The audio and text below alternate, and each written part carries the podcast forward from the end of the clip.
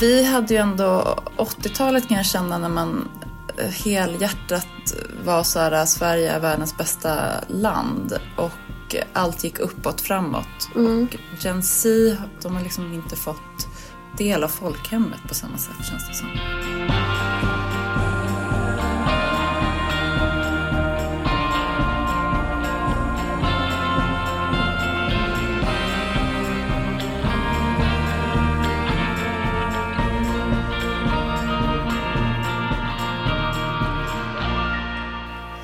Elin! Hej Kattis. Det är så förvirrat här nu. Jag har tagit skärmbild av mitt skrivbord. Så nu vet jag knappt vad som är skrivbord och vad som är verklighet. Alltså skrivbord, skrivbordet på datorn. Eller, eller ditt riktiga skrivbord. Det hade varit kul om jag tog en skärmdump på mitt... Hur gör man det?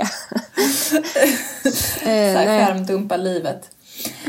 Eh, vi skulle ju sett i... eh, Vi har ju utlovat bättre ljud den här veckan men eh, livet kom emellan och nu sitter vi ändå på varsin plats. Ja, jag ska ju också åka bort flera veckor så det kändes som det är jag som är livet som kommer emellan.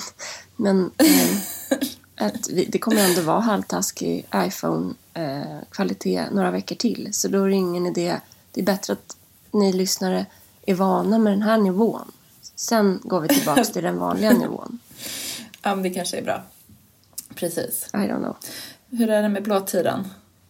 Ja, eh, jag fick ju då, vi spelar in onsdag i måndag så skulle jag absolut sätta upp en krok i, i tvättstugan och eh, drämde den, en stor mässingsknopp rakt i ögat. Nej, den blir ju mörkare och mörkare och på torsdag, alltså imorgon ska jag då stå på scen för Nordic nästa partnerträff. Och jag tror inte att jag kommer kunna sminka bort det här utan jag får nästan typ säga något. Ja. Jag eh, minns när jag eh, gick in i en stol Ja. och också fick... Alltså jag hade ju på något sätt ändå tur att stolen, en metallkarm, hamnade precis mellan ögonen och inte liksom längre ner på näsan för då tror jag den hade eh, spruckit. Ja, Men blåtira blev det ju. Det är något det där. Vi har pratat om det någon gång. Det är liksom när man ramlar och slår sig, du med cykeln och sånt där. Men det här var verkligen Ja. så dumt. Alltså jag tror att det har att göra med att eh, både liksom som du har skrivit om på Instagram kan själv. För min del tror, det, tror jag att jag har liksom någon så här optimeringssjuka att jag, vill, att jag gärna gör flera saker samtidigt. Mm. Du vet att människan är jättedålig på det. Multitasking är bara bullshit. Ja, jag vet. Det är liksom eh, många bollar i luften som alla skulle skriva högst upp på CVt. Det är egentligen jättedumt. Mm, det är dumt. Man ska skriva jag, jag är bäst om jag får göra en sak i taget. Då, jag, då blir det bäst. Men jag tycker ändå att jag är bra på att multitaska, men ibland, ibland så blir det fel. Typ som att så här, jag får ofta frågor om eh, hur eh, jag har eh, kunnat ha liksom småbarn och en massa konst och konsthantverk och sånt överallt. Eh, Men de har aldrig gjort sönder något. Alltså typ en ljusstake har Mila haft sönder. Annars är det bara jag som har sönder saker här. Och, och då menar du att du är bra på att multitaska?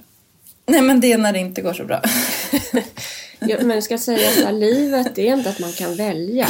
Nej, vet ni vad? Jag gör en sak i taget. Nu så gör jag det här. Och så alla de andra människornas behov eller förväntningar, de försvinner ju inte. Vad, vad ska man... Vad, jag är flexibel, kan man väl säga då. Ja men exakt. Senaste grejen som jag förstörde var, jag har köpt en vintage, ehm, min drömlampa som jag liksom drömt om i, men i alla fall sen vi flyttade ut hit till Hökis, sex år. Eh, från Floss, en Viscontea som har något konstigt material kring sig. Den är liksom väldigt stor och hänger, alltså en taklampa som vi har ovanför matbordet. Och då när vi skulle... Konstigt material. Alltså det är sånt här, det är som... Det ser ut som spindelväv, typ som vävs. Fast det är typ gummi Precis. i de gamla. Nu tror jag att de är liksom lite hårdare, men nu för tiden tror jag att de är lite hårdare. Men, men i de gamla så är det verkligen så här som typ riktigt eh, giftig plast från 80-talet känns som sådana leksaker man hade. Ehm, fast jätte, jättetunt. När eh, Perfect Guide skulle komma hit och plåta då skulle jag multitaska lite samtidigt som jag skulle väcka barnen och göra frukost. Skulle jag också bränna ner ljusen lite för det vet ju alla att om, det vet inte alla, men snart vet ni det, att eh, ska man plåta hemma så kan man inte ha eh, veken kvar, liksom veken måste vara tänd annars ser det så himla oinbott ut på något sätt. Det, alltså, Eh, så och här då- är det att ljuset behöver alltså, det ska inte brinna utan du ska tända Veken ljuset ska vara svart. och sen blåsa ut ljuset och så är veken svart. Precis. Det är då en genuin hemmamiljö. Exakt så. Och då gjorde jag det. Och då var det ett ljus som var lite för högt så att det smälte liksom ett litet hål i min underbara drömlampa. Jaha, oj då, när hände detta? Ja, men det, jag tror att du, du kom väl hit sen samma dag, jag för mig. Men du var så glad. In den där grejen. Ja, vet du vad Jackie sa? Han bara, älskling, det är patina. Ja, så fin. ja, det var väldigt gulligt. Man vill ju helst att patina ska komma av eh, långvarigt eh, och kärt användande, inte typ hets inför fotografering. Nej, jag förstår. Ap- Apropå den här lampan då, jag tänker bara för Floss har ju...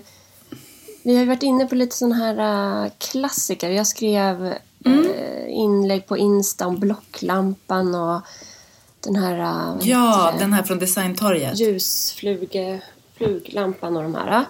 Och då eh, har ju du pratat om, jag fick massa kommentarer på det vilket var roligt. Det var ett enormt engagemang för oss som är 80-talister i alla fall.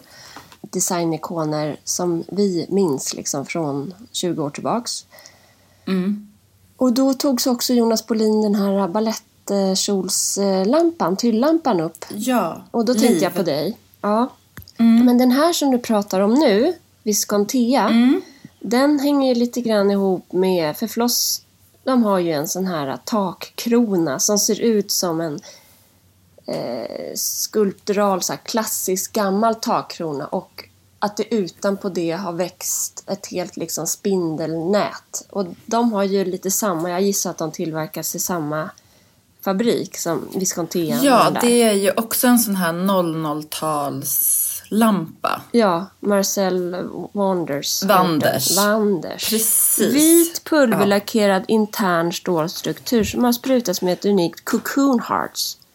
Så himla roligt. Jag har precis gjort en eh, plocksida till L Decoration. Ehm, en sån här trendspaning inför nästa år, 2024. Och då spanar vi på liksom 00-talet. Det, nu, 00-talet är tillbaka. Att, man, att det är så här Gen Z. Ja, Vi är ju, eller sena millennials. Vi är ju Vi- typ på vi- gränsen mellan Generation Y och millennials tror jag. Vi är födda 82 du och jag. ja, Och sen kommer ju Gen Z. Ja men så det är sena Gen Z. när jag söker på Sena Miller, då kommer Sena Miller upp här. Sena- Miller Husband. Nej, off. Sena Miller är väl en typisk Gen Z, tror jag. Men de... Vänta, stopp. Jag måste eh, förstå här nu. Gen Z, är vi det? Nej, vi är uh, millennials, Är vi efter henne? typ. Gen Z kommer efter oss. Vadå, tror du att De är- Sena Miller är yngre än oss? Ja, Han. Age. Gen Z är eh, 95. Hon är 41 Alltså, år. de är födda... La, la, la. Nej men gud, Sienna Miller, just det, hon, Nej, nej, gud vet nej. du vem jag tänkte på? Ja. Jag tänkte på hon den här mörk, mörka tjejen som var ihop med Justin Bieber. Som hade typ ett tag Instagrams största konto. Nu känner jag mig som en boomer. ja, jag känner mig så with it. Ja, jag kommer ihåg att hon är född 1981. Att hon Ja. var ett år äldre än oss. Eh, ja, precis. Nej, men det är ingen fara. Jag kan lära dig lite om samkulturen om du vill. ja, men hon Eh, är ju hur en så provocerande snygg person faktiskt. Hon är nästan Ja, men hon är 42. väldigt snygg. 41, slutet av... 81 är hon född. 1981 till och med, om vi nu ska... ju det. Ja, Hur fan kan du det? därför att jag jobbade med nöjesjournalistik när hon var som störst. Jaha, jaha. I mitten av 00-talet. När är Britney Spears född? Vilket år? Också 81. Alltså, jag blir så impad. Mm. Tillbaks Eh, till din spaning. Totalt värdelös, eh, totalt värdelös kunskap. Jo, men Gen Z-arna då, de är födda 95 och framåt. Ja. Och millennials, vi är liksom de första millennials, inte de, alltså på gränsen till generation Y. Ja. Men då nu när man vill ha trygghet, alla söker trygghet för det är en vidrig jävla värld vi lever i. Ja. ehm, så är de liksom tillbaka till sin barndom. Och då Ja. är man liksom på 00-talet. ja, vad gulligt. Ja, det är så gulligt. Och Det är vad- också så här äh, lite sorgligt för att de... Vi hade ju ändå 80-talet kan jag känna när man helhjärtat var så här Sverige är världens bästa land och allt gick uppåt framåt. Och Gen Z, de har liksom inte riktigt fått, de är födda efter sparkrisen där i början av 90-talet. De har liksom inte fått del av folkhemmet på samma sätt känns det som. Vad intressant. Du menar att folkhemmet dog efter sparkrisen för alla blev glada då och så här nu, nu köper vi plast. Nej, men det var ju då allt såldes ut. Ja, du tänker lite djupare Jag tänker att det hör, hör ihop och att alla så här, eh, fördelningspolitiken gjordes om och man avskatt, alltså man tog bort alla så förmögenhetsskatter och arvsskatter och sånt där. Mm. Ja, det finns något osentimentalt. Nu tänker jag på min bonusson Måns, han är 99. Mm. Det finns å ena sidan något osentimentalt i när han pratar om saker men jag tänker att det bara är eh, att han är ung. Eh, Jag vet inte om det är generationen. För sen nu när han flyttade hemifrån då var det ju otroligt viktigt. Alltså, eh, jag har inte träffat någon tror jag i den där åldern som har lagt så mycket energi på sitt, att göra sitt hem mysigt på riktigt. Alltså ett riktigt fint hem. Nej, Eh, och, nej. och jag vet inte om det har att göra med att jag och Alex håller på med det vi håller på med. Men jag tycker det kommer från i honom, liksom att det är viktigt med hemmet. Men jag tror att det kanske är en generationsfråga också. För att när vi var i den åldern då festade man och låg runt. Och Ja. det gör ju inte ungdomar längre, typ. Nej, han är liksom ett litet udda fall därför att vi typ lurar honom att betala körkort om han inte, om han inte skulle eh, knarka eller röka, sa vi så här i tonåren någon gång, så betalar vi ditt körkort. Och då hade han liksom, han var lite för ung för upplägget för när, när det sen liksom, när han skulle repetera det då, vad var det för deal jag erbjöds? Han bara, jo men okej, så det är så här, om jag inte röker, dricker eller knarkar innan 18, då betalar ni körkortet. Och då hamnar vi i någon slags moment 22, för vi kunde inte säga så här, nej alltså vi menar bara om du inte röker eller knarkar. Därför att dricker eh, kommer du göra innan 18. Utan så vi bara, mm. Så han var ju svinnoggrann med det där. Han kanske gjorde något snedsteg, men så här efteråt så, vi har inte tagit vidare den strategin därför att eh, han fick liksom sina, förlåt Måns, men tonårsfyllor när han var typ 18, 19, 20, 21. Ehm, Ja. och, och vad vill jag sagt med det? Nej men nu känns det som man typ, det har han inte sagt, men vill stadga sig och liksom, och han är bara 24. Det är jätte, Ja, men det de är är ju väl- väldigt tidiga alltså. Ja, de, eh, vi fick ju flyga fritt. Världen var vårt ostron. Mm. Och så är det ju inte riktigt nu. Nu Nej, är det ju det är det inte. överallt. Och framtiden är läskig. Tänk Allt på det och tänk på det och tänk på det.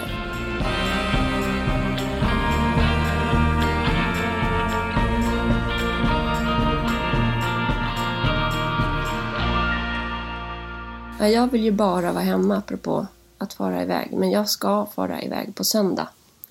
Ja, du vill sälja Bordigera? Ja. Va?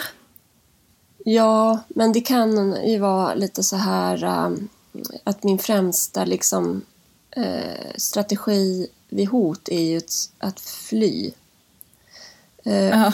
Och nu så, eh, för någon vecka sedan fick jag veta att en vän eh, i Italien har dött precis. Så han, du vet, jag har ju pratat med, om honom med dig, eh, om vi någon gång ska göra en hemtrevlig Italienbok, då ska hans hem vara med och jag liksom, han är den enda som under de här åren som också har varit speciella med covid och vi har hyrt ut för vi köpte plötsligt hus, det hade vi inte när vi köpte lägenheten och så. Så har han varit eh, kom, den här kompisen som man jag vet inte, jag, våra andra bekanta är typ mäklaren, tennistränaren, eh, alltså Sandro på kaféet liksom, som mm. säljer kaffe. Men den här mannen eh, och hans pojkvän var ju liksom våra vänner på riktigt som man bara umgås med utan transaktion. Liksom. Mm. Eh, och nu hörde hans pojkvän av sig och sa att han äh, har gått bort. Och jag visste att han var sjuk i cancer men eh, vi sågs i februari och då var det liksom ändå... Han hade kommit igång med behandlingen och ja, sen gick det jättesnabbt. Och, och jag märker, hans, hu, alltså hans bostad ligger mitt emot vår balkong. Mm. Så att jag ser ju på hans terrass, det kommer jag se på varje dag. Bara det att han är död. Så att han kommer inte komma upp och där står blommorna. Eh, och jag, nu pratar jag Facetime med Alex för de är ju redan i Italien. Eh, och då filmade ja, han. Ja, de är redan där. Mm. Uh. Och då är det ju någon som vattnar hans blommor verkar det som. Men jag bröt ihop då. Jag fattar inte riktigt vad det är. Det är väl något... Jag är inget bra på döden. Känner jag. Jag tycker den... Jag tror, jag tror ingen av oss är det. Jag tycker det är liksom en skit... Ett värdelöst påhitt. Alltså, det var inte dealen när jag föddes. Att jag köpte det paketet. Det är liksom... Va? Ja, oh, fy fan. Nej, så så att jag har ju då, nej jag vill aldrig mer åka dit, eh, jag vill sälja, för jag vill inte åka dit för att tycka det är härligt och samtidigt se det där. Jag blir så praktisk då liksom att nej men nu, sats, nu är vi här i Saltsjöbaden, eh, ekonomin är tuff, det är bättre, vi säljer nu och så kan vi göra Italien sen. Alltså jag lägger in, det är ändå en ganska vettig analys. Men Verkligen. Det, men det blir eh, emotionellt liksom. Ja, men det är precis, det är intressant att du liksom förklär din emotionella reaktion i någon slags eh, struktur och eh, logiskt tänkande. Ja, precis. Så, men nu har jag ju då hållit på här och, och velat. Jag skulle egentligen Imorgon ska jag till Kal eller idag ska jag till Kalmar, imorgon ska jag jobba i Kalmar och sen skulle jag tagit tåget till Köpenhamn och flugit därifrån. Men nu mm. så har jag ändrat om så att jag åker ner på söndag eh, tillsammans med Ingrids pappa som också ska vara i Italien med oss en sväng. Mm. Så, så Ingrids pappa och jag ska flyga flygplan ihop. Det har inte vi gjort på 15 år. Nej, men det blir fint tror jag. Mm. Barnen tycker det är härligt. Vet du vad jag, vet vad jag tänker? Att eh, både du och jag, vår första så här, instinkt när man ställs inför någonting jobbigt är att Eh, fly. Mm. Men sen är vi båda jävla irrar om man tänker på, fatta du vet, du har ju velat fly från huset i Saltis så ja.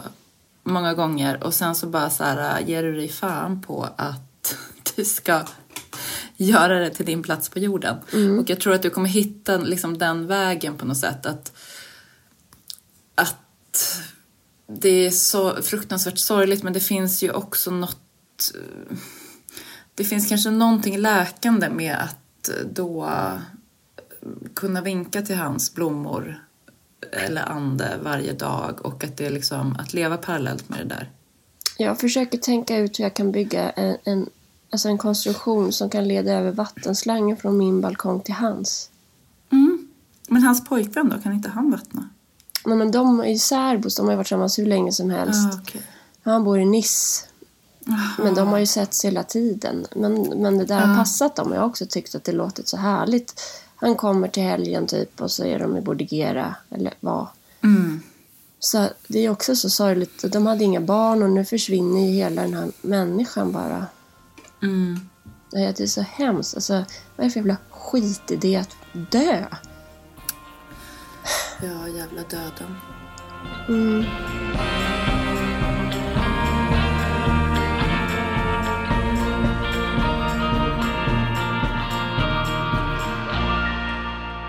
vi släpper det tunga nu ett tag för jag orkar inte vara i det. Jag känner att jag verkligen är påverkad. Jag har hört det på min röst. Liksom. Men jag, ska, jag, jag vill prata om något annat. Ja. Um, har du något kul? Säg något jag roligt. tänker på det här med att fightas. Vi fick analyssvaren igår från svampen Ja, i eh, missionshuset. hur kom och de? det stopp, är- stopp, stopp. Alltså, hur, hur kom detta? För du måste ju varit bara så här... Kom det på post? Ja, nej, alltså han hade sagt så här, han bara, men det kanske, kom, det kanske kan komma på måndagen. Måndagen gick och det kom inget svar. Så på tisdagen var jag så här, hej, skickade ett mejl. Eh, jag vill bara säga att jag är jättenervös inför det här så jag skulle uppskatta om du kunde höra av dig så snart du kan. Ja. Så han ringde mig. Han ringde mig, Ove. Snälla, snälla Ove. Eh, och sa, jag har glädjande nyheter. Ja. Och jag var inne på jobbet och hade liksom pratat med alla om den här jävla svampen så jag typ skrek ut. Det Ja. är inte äkta hussvamp! Åh. Mm. Åh, eh, och det var så skönt för att jag har sovit så dåligt. Alltså jag vet inte varför det påverkat mig så himla djupt. Och sen så när man ska gå och vänta, jag hatar att gå och vänta. Det är det värsta jag vet. Det var därför jag blev igångsatt med Olle till slut. För jag bara, det här gör inte jag igen. Nej. Jag, jag liksom Nej, jag bröstade fattar. upp mina hundra kilo inför den här läkaren och bara, du sätter igång mig nu. Ja. Okej. Eh, men men jag, det är något med den här äkta och oäkta som jag tycker är lite fascinerande. Bara, du är ju inne i mögelbranschen nu, men eh, äkta Ja. mögelsvamp då... Alltså det finns ju massa, det finns ju då någonting som heter så här äkta hussvamp. Och det är den som är den här gåtfulla vandraren eller vad fan Ja, den nu hette. Herr Grå. Herr Grå kallar vi honom.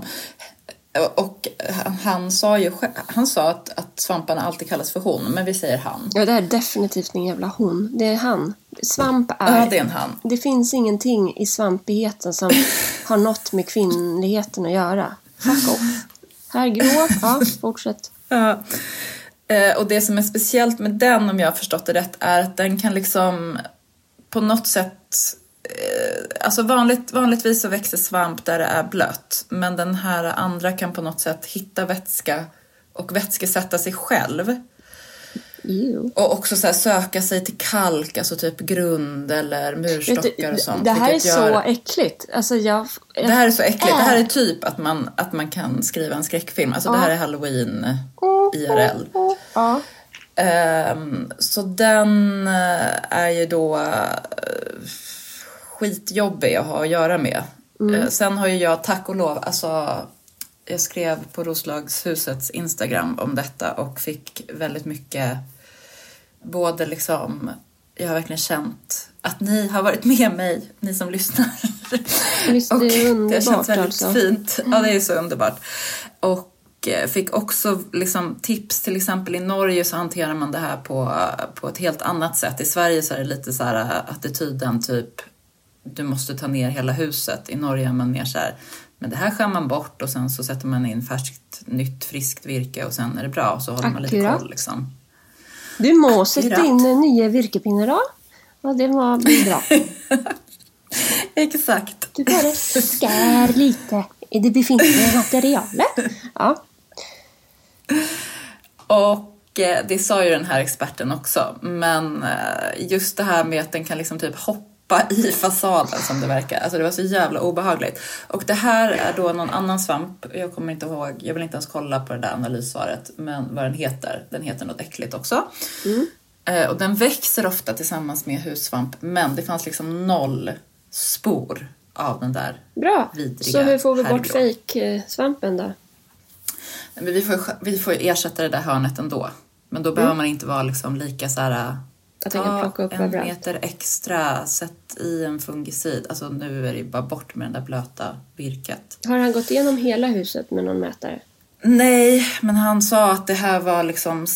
Han har kollat själva svampen. Mm. Det var ju en svamp. Och det var den bästa provet man kan ha, sa han. Bra. Det kan finnas sporer, alltså det finns typ i alla hus har jag sett när jag har läst på.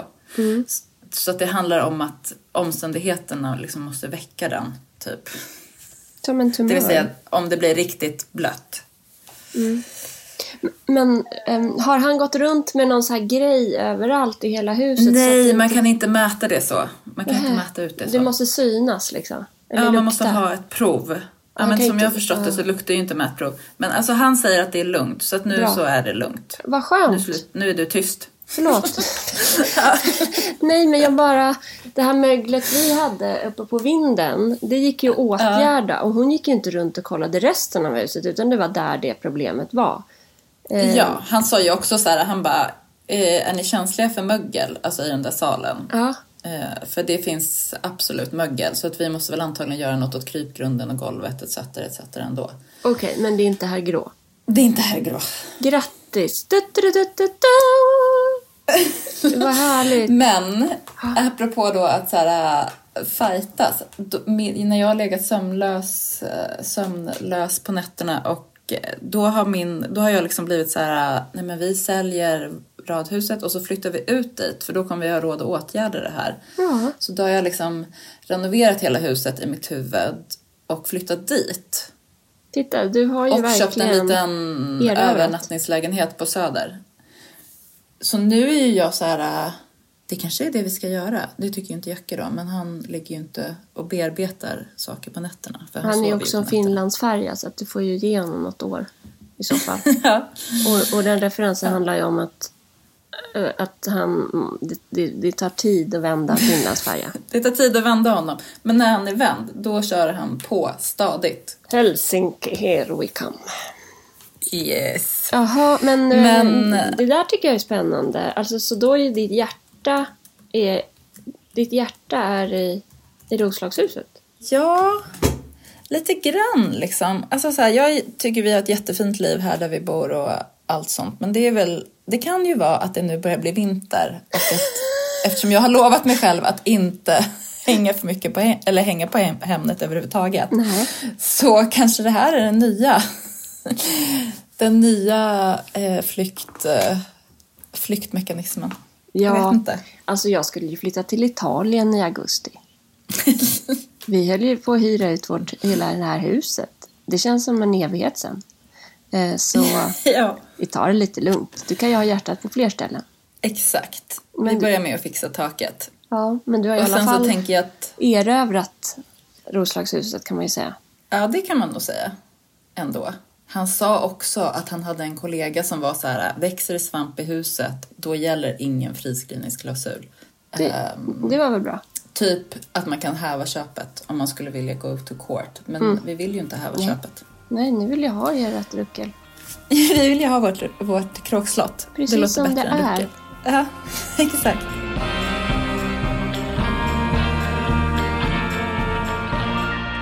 Men du, du hade ju också fått in en fråga om ödehus, eller hur? Ja, vi, mm, något DM skulle jag gissa, men vad vi tänker kring är... Jo, men så här är det. Det är ju eh, Sandra i Dalarna som eh, är världens bästa... Alltså hon håller på med fotvård, behandling, alltså medicinsk fotvård, men också... hon är grym. Och, och jag har varit där. Det är liksom eh, värt att åka till Hedemora för att gå till fotfin hudvård. Hur som Ja, helst så sitter man ju där några timmar då och pratar och det har ju hänt i några år att jag har gjort det. Och då finns det i Västerbyn där, där Alex släkt härstammar ifrån och där vi har ett hus finns det ett ödehus som ser så här fantastiskt spännande ut med snickarglädje och det, det håller liksom på att Ja. växer igen runt där. Och hon åkte förbi där och skickade en bild för någon dag sedan och skrev så här. Kanske något för podden. Eh, ödehus, tankar kring det. Och då drog ju min fantasi igång. Oh ja. Vad har du för tankar kring ödehus? Min första tanke går till ett hus i Hågadalen i Uppsala som vi eh, åkte förbi typ när man skulle åka till Gottsunda och bada på badhuset. Då åkte man den vägen. Och det, hade, det var speciellt för det, hade liksom, det var ett rött hus och så hade det tre dörrar. Och jag växte upp väldigt nära med mina grannar. Ehm, Vi var fem tjejer, men det var liksom Annie var ett år, eller typ några månader äldre än mig och Becka var ett år yngre. Så vi var liksom tre personer och då skulle vi bo där som liksom barn i Bullerbyn och jag skulle bo i mitten och de skulle bo på liksom varsin sida. När det väl revs det där huset så, så um, var det liksom lite sorgligt på något sätt. Det var en barndomsfantasi som försvann. Mm. Sen fortsätter livet bara tanke. och är så här äh, brutalt. Alltså, att det inte alls blir som man tänkte när man var liten. Men, eh, men eh, det är väl något vemod i det där att, att något som har varit vackert. Alltså, det är ju, för min del, det där huset i Västerbyn då, eller andra hus som jag har liksom fantiserat om, eller jag ser dem och sånt där. På italienska landsbygden finns det ju ett och annat.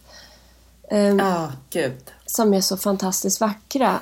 Eh, Det, är något, det finns något sorgligt i att någon någon gång har lagt så mycket energi och kärlek i det och att det har övergivits. Och något romantiskt i att det finns, liksom, tänk om man bara... Det är som en saga typ. Ja, det är ju som att man skulle kunna väcka till liv en gammal saga på något Ja. sätt. Om man skulle ta sig an det där huset. Ja. ja, för jag gjorde lite research eh, inför det här avsnittet, alltså väldigt kort, eh, vilket tog mig till Hemnet. Och ett, Ja. jag, är inte, jag, jag är inte alls sugen på Hemnet, vilket var skönt. Det är som att prova om man är fri från sitt missbruk. Typ. Men, eh, Ja, men då finns det ett, ett praktexempel på ödehus i Skövdetrakten. Mm. Som har så här orangeri. Det är Åh, British 80-tal. Laura Ashley, typ tapeter. Sen är det några uh, oäkta material, typ plast och ligger inne något, uh, sånt där skit som man kan riva ut. Men det är ja, alltså... Det gör det ju alltid. Ja. Och det finns en park. ehm, vegetationen är fantastisk. Eh, Jag tror att det måste ligga nära slätta. Alltså, Kinnekulle och det där. Jag vet inte, men det är otroligt liksom pampig natur också. Dels blir man ju så otroligt nyfiken på vem det var som hade bott där. Det har tydligen tidigare stått Milles statyer där liksom. Eh, och nu Oj, är det ja. bara övergivet. Och jag kände att jag var frisk. Ett, för jag, jag drömde mardröm sen i natt. Att vi, vi flyttade till ett Vi skulle sälja det här och flytta till ett annat hus. Och jag började gråta. Jag bara, jag har ju redan allt jag vill ha. Och så vaknade jag och så bara, yes. Det var bara en dröm. Gud vad tydlig. Alltså så här, Ja, ja, jag, jag är ingen, så ingen basic. tydning av den Jag är, så, jag är så banal. Jag är faktiskt det. Det är liksom... Ja, ifall du inte visste. Men eh, nej, och då... Det är ett, jag är ju då botad. Jag vill inte flytta någon annanstans. Jag, jag kan inte tänka mig att slänga bort allt jag har för ett ödehus i Skövde. Och jag undrar om jag blivit luttrad av den här renoveringsupplevelsen. För jag ser ju bara, nej, nej, nej, nej, nej. Gå inte, det där Nej. blir ett helvete. Ja, jag börjar ju se det. Du varnade ju mig för Ja. missionshuset. Det är ju alltså typ inte helt ett ödehus men jag menar det var ju ingen som hade tagit hand om det på 25 år. Nej, inte som ett riktigt bostadshus, alltså 24-7 året om. Nej men även om man har ett sommarhus kanske man inte ska låta det läcka in. Nej, mycket. inte ens den standarden höll, vi kan kalla honom Kurt upp. nej, nej. Nej. Det, kan man ju, det kan ju finnas jättemycket olika orsaker till det såklart. Det Mm. är ett svinstort hus som är, det är svindyrt att hålla efter det men Men vad är påtagligt då? Om, om vi, det är ju så nära ett ödehus vi kan komma då rent praktiskt. Mm. Det påtagliga är ju, lyssna på Elin Lervik som säger att allt kommer bli dubbelt så dyrt. Två, gör en ordentlig besiktning, för det gjorde inte vi. Det här har jag också, jag har varit inne på någon sajt, bovision.se, där kan man läsa lite om ödehus. Mm. Eh, det kommer dyka upp otäcka överraskningar. Det gjorde det ju bara i Saltis för dig. Massa Ja. bottenplattor och... Man visste ju inte ens vad en bottenplatta var innan det dök upp två. Nej, exakt. Och det var minst en Och för mycket. asbest. Och all skit som fanns. Men enligt den här sajten då så finns det 200 000 tomma hus där ingen står skriven som skulle kunna användas som permanenthus i Sverige. Shit. Det här var SCB 2022. Däremot så finns det ingen riktigt så definition av vad ett ödehus är. Nähä. Ehm, Måste det men så finnas här, kök 2000 och toalett? Nej, det tror jag inte. Jag Nej. vet inte. Det har ju inte vi i missionshuset. Nej. 2014 publicerade Lantmäteriet en lista över vilka län som hade flest ödehus, även kallade spökhus. Definitionen var då bostäder där ingen kan antas bo som inte har ändrats i fastighetsregistret sedan 1950 och som inte har bytt ägare sedan 1970. Då Aha. fanns det bara typ 800. Men det var ju en väldigt, väldigt snäv definition måste jag säga. Ja, verkligen. Vem bara, mm, vart sätter vi dem? 50? 60-talet slash 70-talet. Där är gränsen. Ja, precis. Men ehm, ja, det finns ju som en hel rörelse tror jag. En, på Facebook finns en grupp som heter Jag räddade ett ödehus som också har en sajt kopplad till sig, landsbygdsdröm.se. Mm. Drom.se. Eh, så det är liksom, det är som en liten subkultur. Mm. Det är en mysig subkultur var- tycker jag. Jag vill dem väl. Lycka till säger jag. Ja, du är inte sugen.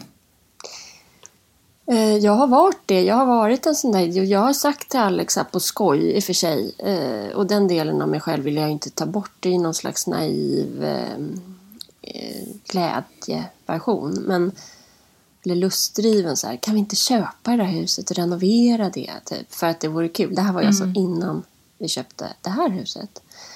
Så jag är nog bara lite eh, luttrad av livet. Precis, jag tror man kanske bara gör en sån där megarenovering. Eller det, ja, i och för sig verkar ju folk eh, kunna bli beroende av det. Ja, för nu liksom tittar jag precis. är... på hon eh, italienska följare. Marie Olsson Nylander har ju köpt eh, ett nytt hus eh, som renoveras nu. Det känns 60-tal. Och jag såg det på Instagram i morse. Och, och då när jag scrollar runt där bland hennes bilder så får jag liksom så här dels påslag och så ploppar frågan upp men gud, hon gör det här igen för de har ju renoverat flera hus. Eh, Ja, precis.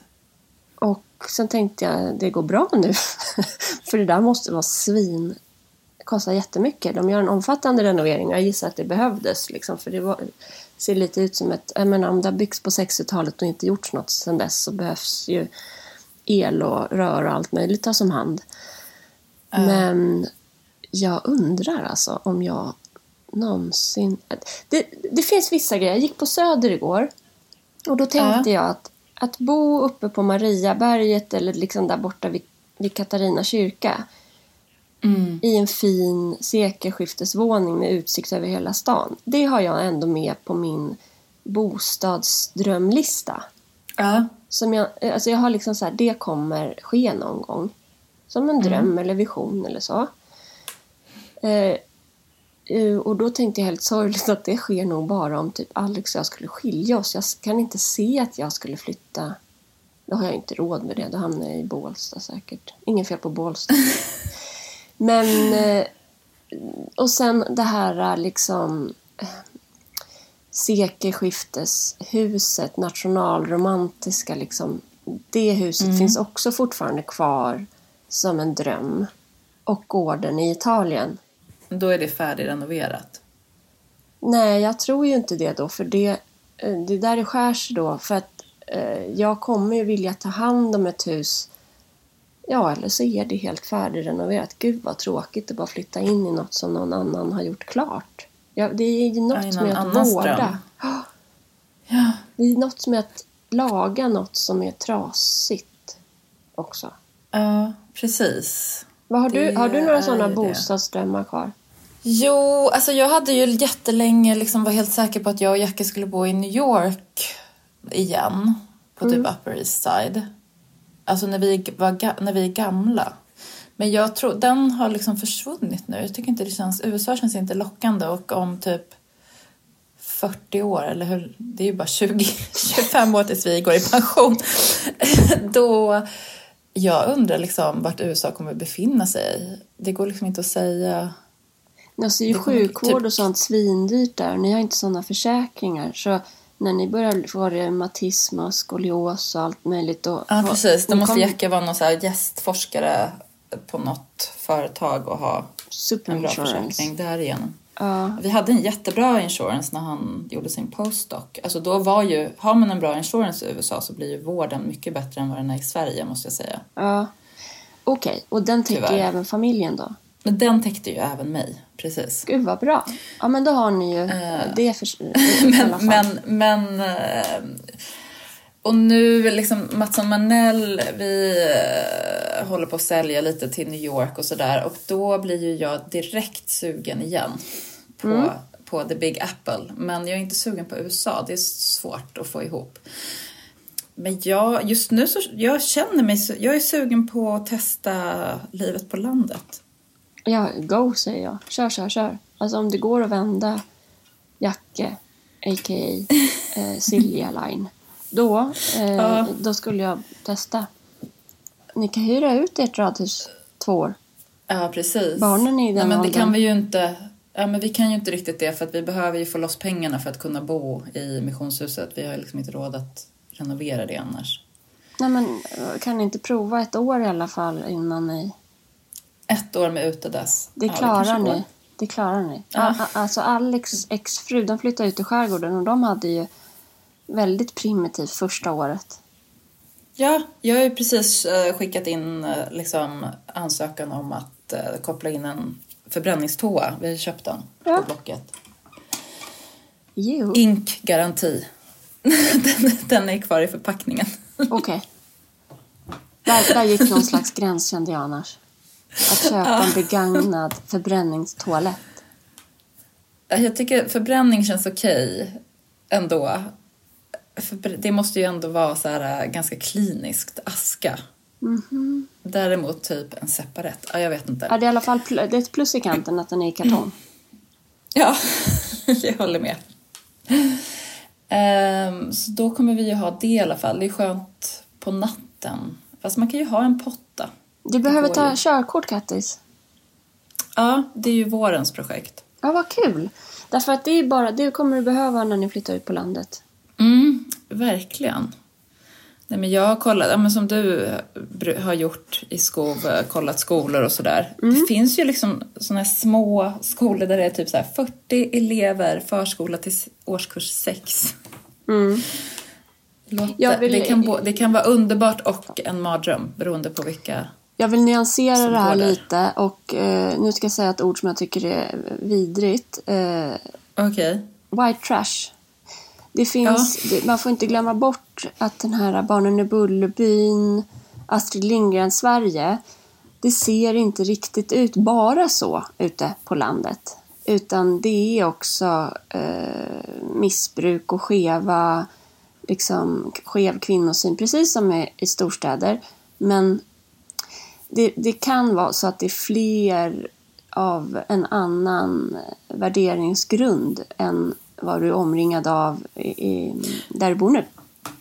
Ja, det har jag också tänkt på mycket. Framför allt just för barnen som inte kan välja och att eh, det är väl så att när de når en viss ålder så, så eh, slutar föräldrarna ha så stor betydelse och omgivningen har större betydelse. Så att då gäller det ju att man har turen att kunna välja den Ja, sätt. vi har ju valt att från den ena privilegierade Södermalmsorten till den andra privilegierade Saltisorten. Eh, Så våra barn hoppar bara runt bland, i, i privilegier. Eh, Jag är ju född ute på landet. Alltså jag är född uppe i Hälsingland, i lilla Lingbo, som hade liksom en fabrik som jag inte ens fattar vad de gjorde och så var det ett sågverk. Eh, Alltså, som den, det är, finns jättemycket fina hälsingegårdar som står där men det är också vägg i vägg med ett sunkigt hus som jag följer av någon anledning. Försäl- alltså Hemnet, jag har en sån...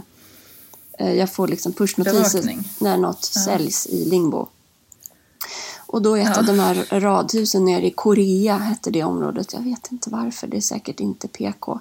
Men det, det ligger ut för 300 000. Och det dök också upp en av de här fantastiska gårdarna som var också ute för typ 500 000. Så det här säger inte jag som någon stadsbo, liksom att det är på landet är det white trash. Jag bara ger en eh, nyanserad bild. Mm. Och jag tror att det Nej, kan vara bra ju... att få uppleva det också. Jo men verkligen. Alla... Alltså att få uppleva olika är väl bra alltid tänker jag. Ja, Och att få syn på sina egna privilegier etc. etc. allt behöver inte vara för alltid menar jag heller. Nej, nej men precis. Jag, I min plan så ingår ju då en övernattningslägenhet i Stockholm för att ändå vara, både, både för att jag tror att jag hade blivit galen annars Mm. och för att, jag, för att vi typ skulle ha råd med det. Och för att ni får stanna på kvar på bostadsmarknaden i Stockholm. Och för att stanna kvar på bostadsmarknaden i Stockholm, exakt. Det är, som, det är inte Eh, klokt, men alltså min syrra och hennes man håller på och kikar på att köpa något. De har bott i hyresrätt i massa år, eller bor i hyresrätt. Eh, och just nu, om de ska, hon bara hade kalkylerat på ett hus för 11 miljoner, massa pengar. Jag tror de skulle liksom få i lån trots att de hade då några miljoner att kunna sätta in. Så här 60 000 i månaden i lån och räntekostnader. Åh herregud. Hur ska man komma in på marknaden? Jag fattar ingenting. Nej. Men du får inte börja där. Du, de bara, sorry, ert tåg har gått. Ni skulle börjat med en pytteliten lägenhet som ombildades. Ja, du hör ju. Jag är ju inte på toppen i mat. Men det är ju typ, tyvärr så är det ju så. ja. Alltså, vi hade ju inte, om vi hade flyttat till Stockholm nu, då hade man ju knappt haft råd med en etta. Nu kollar ju jag då på ettor. Mm. Eh, på? Hemnet. Ja, Jag satt, jag satt, eh, jag satt eh, gränsen på tre miljoner. Ja. Eh, Finns det något men på då Söder? är de ju Mm, det finns på Söder, men då är det ju, ju verkligen ettor. Vår första lägenhet som vi köpte var ändå på liksom 39 kvadrat tror jag. Mm. Och då kostade den 1,7 miljoner. Mm. Och nu kostar de kanske 24 kvadrat 2,7 miljoner. Ja, det är ju skevt alltså. För mitt i allt det där, det man kan hoppas är ju att så pass polariserat som Sverige ändå är nu, alltså att eh, på 70-talet när det var sån grön våg och man flyttade utanför stan, som vi ser händer nu, men att det blev ännu fler som gjorde det. Eh, Jag tänker på Emma Sund och Maria Soxbo skrev någonting om det också, liksom hur man kan effektivisera kollektivtrafiken och sådana saker som möjliggör liksom ett liv utanför stan. Det, låt, det låter ju helt orimligt att köpa en lägenhet, liksom en, en etta på 24 kvadratmeter för sådana pengar. Vad är, det, vad är det som är så värdefullt att bo där? Alltså, jag vet ju det. Det, Ja. det är ju praktiska livet liksom. Men man önskar ju, för nu när vi skulle åka till Italien, det här har varit inplanerat sedan våren, alltså jättelänge. Eh, För vi var ju inte i Italien i somras. Så alla har sett fram emot det här väldigt mycket. Inte jag så mycket av någon anledning. Men nu när det stod för dörren så kände jag så här, nej men jag vill inte, jag vill inte åka någonstans. Jag vill bara vara hemma i mitt hus. Jag vill inte förpesta liksom jordklotet med koldioxid. Jag vill inte se hans balkterrass där mittemot. Jag vill inte vara, jag vill inte resa. Jag vill inte bli skjuten för att jag är svensk. Och det där är ju... Det var flera som skrev om det där igår på DN. För jag, apropå den här idiotiska ledan om att ta bort praktiska ämnen. Alltså fy fasen vilken idioti. Ja, det är en ledare i DN om att skrota liksom praktiska ämnen då i grundskolan. Skit i det. Men då fick jag många DM om det här att nej, men jag vill bara typ att man vill bli hårdare. liksom att klara sig själv. Och det känner jag instinktivt. Jag ser min estetik, min klä- jag börjar klä mig som en jägare. Ja, det här häst... Alltså du är en prepper. Prepper heter jag, inte hårder. Det är sjukt. Ja. Prepper. Jag tror i och för sig prepper är lite sjukt. Ja, ja. När, när jag läste om de här ödehusen då stod det så här. Var noga innan du köper det. Dels så, så ägs ju alla hus oftast av någon så att det är ju olagligt att, gå, att vara i dem utan tillstånd från ägaren. Olaga intrång. Men det stod också så här. Det, det kan vara populärt bland preppers att liksom Ja, det- att folk bara har typ tagit över de här husen för Ja, när men jag- det ligger shit hits the ja. Det ligger i samma linje här. Jag förstår det. Ödehus, prepper. Um, bara en passus, men i Spanien, vi har vänner. Där, där stod ett av deras hus på tomten, alltså lite längre bort och var öde. Och när de kom dit så hade en familj flyttat in där. Och då är jag tydligen, det här är inga källor, inte fakta, det här är bara vad jag har fått berättat för mig. Men då är regelverket sånt att det är inte bara att säga till den där familjen. De har typ som en slags besittningsrätt. Ja, alltså så är det ju i New York också. Det fanns en, en svensk kvinna där som hade liksom typ ett penthouse vid eh, Central Park West. Och eh, hon var liksom sjuk. Och det här har Agneta Eckemyr, jag tror det har gjorts en dokumentär om detta. Där var det ju liksom en kvinna som kom, som bara kom, flyttade in hos henne. Och sen kunde inte hon bli av med henne. Men var, var, var den sjuka kvinnan, svenskan, var hon hemma?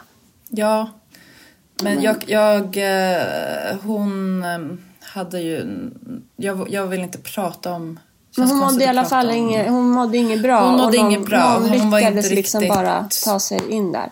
Det var mycket folk som passerade där tror jag. Liksom. Ja.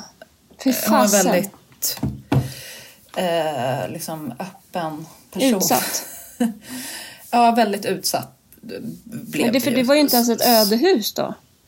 Nej, det var ju hennes lägenhet där hon bodde med liksom, alltså man var ju tvungen att gå förbi en doorman och åka en speciell hiss. Fy fasen. Nej, akta er för det då. Men tack och lov att vi eh, har andra regler i Sverige. Eller? För Du det är också väldigt sorgligt, Eller? sorgligt att de här husen bara står och förfaller medan det är bostadsbrist. Men det kanske inte är de någon vill bo ändå. Nej, då ska man ju liksom ha tid och pengar. Kan vi väl konstatera. Men mina största Men- drömmar är nu liksom så här. Jag vill göra en jordkällare. Mm. Jag vill... Du har ju gjort, ditt mudroom är väl typ klart? Ja, jag ska berätta. När det är klart så ska jag fota det fint, tvättstugan och sådär. Och så, och så ska Ja, vi gå igenom vad jag har gjort. För det blir jättemysigt. Men nu Ja. ska jag måla väggarna rosa så det är inte klart. Nej, men vi, van- vi ser fram emot det. Men, och sen vill jag ju fixa en sån här riktigt stor, det vill jag göra nu, det vill du också, stor vattentank ju. För att spara Ja. regnvatten. Ja, verkligen. Och Det måste ni ha. Ja, så mm, det är ju på det där äh, spåret jag är ändå. Alltså jag, min prepper är ju typ ved då. Eller liksom syltburkar. Ja. Gud, jag gjorde lingonsylt senast vi var i missionshuset. Det är ju så tillfredsställande. Ja, alltså det, fin- det är så underbart. Det, åh, det, Det är så underbart. jag älskar det. Jag, gjorde, jag, jag var lite slarvig med min sista sats plommonmarmelad. Så den här kanelstången låg i för länge så den smakar mest kanel. Det tycker jag är synd då mm, på den här årgångens plommonmarmelad att jag har tio burkar kanelmarmelad. Kan man inte ha det på gröten? Det är ju jättegott med Jo men det är bara att äta. Det är bara att äta och vara glad. kakor. Istället för så här hallongrottor så stoppar man den där Ah, kanelmarmeladen smart. i mitten. Det var smart. Kanelgrottor. Gott. Ja, Gud vad bra. Det ska jag labba med i helgen. det var mysigt. Vad ska du göra i helgen? Eh, vad ska jag göra i helgen? Milo har någon fotbollscup. Vi ska vara hemma, det känns skönt. Mm. Jag ska liksom andas ut och inte ha ångest. Njuta av det. Ja, stanna upp och, och känn lite, njut av den här segern. Mm. Och du, vet du vad jag har börjat? Nej? Jag har börjat läsa den här eh, om uträkning av omfång. Solveig Balle-boken. Balleboken, vad kul! Ja, alltså, f- Eh, för nu ja. kommer vi in på, vi måste bestämma datum för vår digitala bokklubb. och vi måste ju också säga att vi är sponsrade av Bookie. Det vill säga den här prenumerationstjänsten från Bonnier där man får böcker. Precis. Eh, Det är alltså ett kurerat utbud av aktuella böcker där du får välja månadens bok som kommer hem till dig på posten. Eh, Och det är riktigt bra böcker. Tänk att du går in i en bokhandel och s- tittar på de här, alltså en gammal fin härlig, ni vet privatägd, inte stor kedja bokhandel. De är också trevliga ibland, men nu är vi inne på en lite mindre. Eh, och, Ja. och människor har valt eh, bra böcker som de displayar. Så är det med Bookie. Så du får liksom tips. Nu har jag bara läst lite i den här eh, om uträkning av omfång, men jag får eh, så här, eh, tonårskänsla, bokslukarkänsla, gå in i en annan värld-känsla. Eh, så jag är jättepeppad på att läsa klart och sen diskutera den. Ja, vad roligt. För eh, hela podden är ju som sagt, eh, det är ju vår samarbetspartner Bookie. Och eh, det skulle vara kul. Jag har dragit igång många bokklubbar. Bland annat en som heter Camilla. och det var ju då ett hån. eh, förlåt. Men eh, Ja. Jag tycker det är svårt att, att hinna med riktigt. Eller jag, jag, det är stor tendens för bang. Men digital bokklubb är är det väldigt få liksom hinder i vägen. Så, Till exempel ikväll Ja. så har vi en, bok, vi, vi har en bokklubbsträff här i min bostadsrättsförening. Jag är jättesugen på att gå på den men Jacke är eh, borta. ja, Om det hade varit så att den hade varit digital då hade jag ju kunnat delta även fast jag var hemma med barnen. exakt. Så vi kommer återkomma med ett eh, datum snart och vi har en live eh, bokklubbgrej på eh, Insta. Eh, Och oktobers bok eh, från Bookie är ju om uträkning av omfång av Solveig Balle. Det handlar om en kvinna som bara upplever samma dag om och om igen. 18 november. Det- Den är kuslig och det blir lite av ett mindfuck kan man säga. Och otroligt bra bok att ha för en bokklubb och diskutera. Den är lagom lång liksom. Den har knappt verkligen. 200 sidor. Passa med årstiden också. Och om man anger Elin Hem i versaler så får man en bok på köpet eh, om man blir 6 eller 12 månaders eh, medlem hos Bookie. Perfekt. Tack Bookie. Tack. Och trevlig helg på er allihopa. Trevlig helg och tack för att ni lyssnar och engagerar er och eh, är så, ja, men ger så mycket tillbaka. Snacka om att världen känns snällare tack vare sociala medier och eh, podd och att vi kan skicka DMs och hjärtan till varandra. Eh, det är på riktigt otroligt värdefullt. Så tack. Trevlig helg. Trevlig helg. Hej då! Hej då!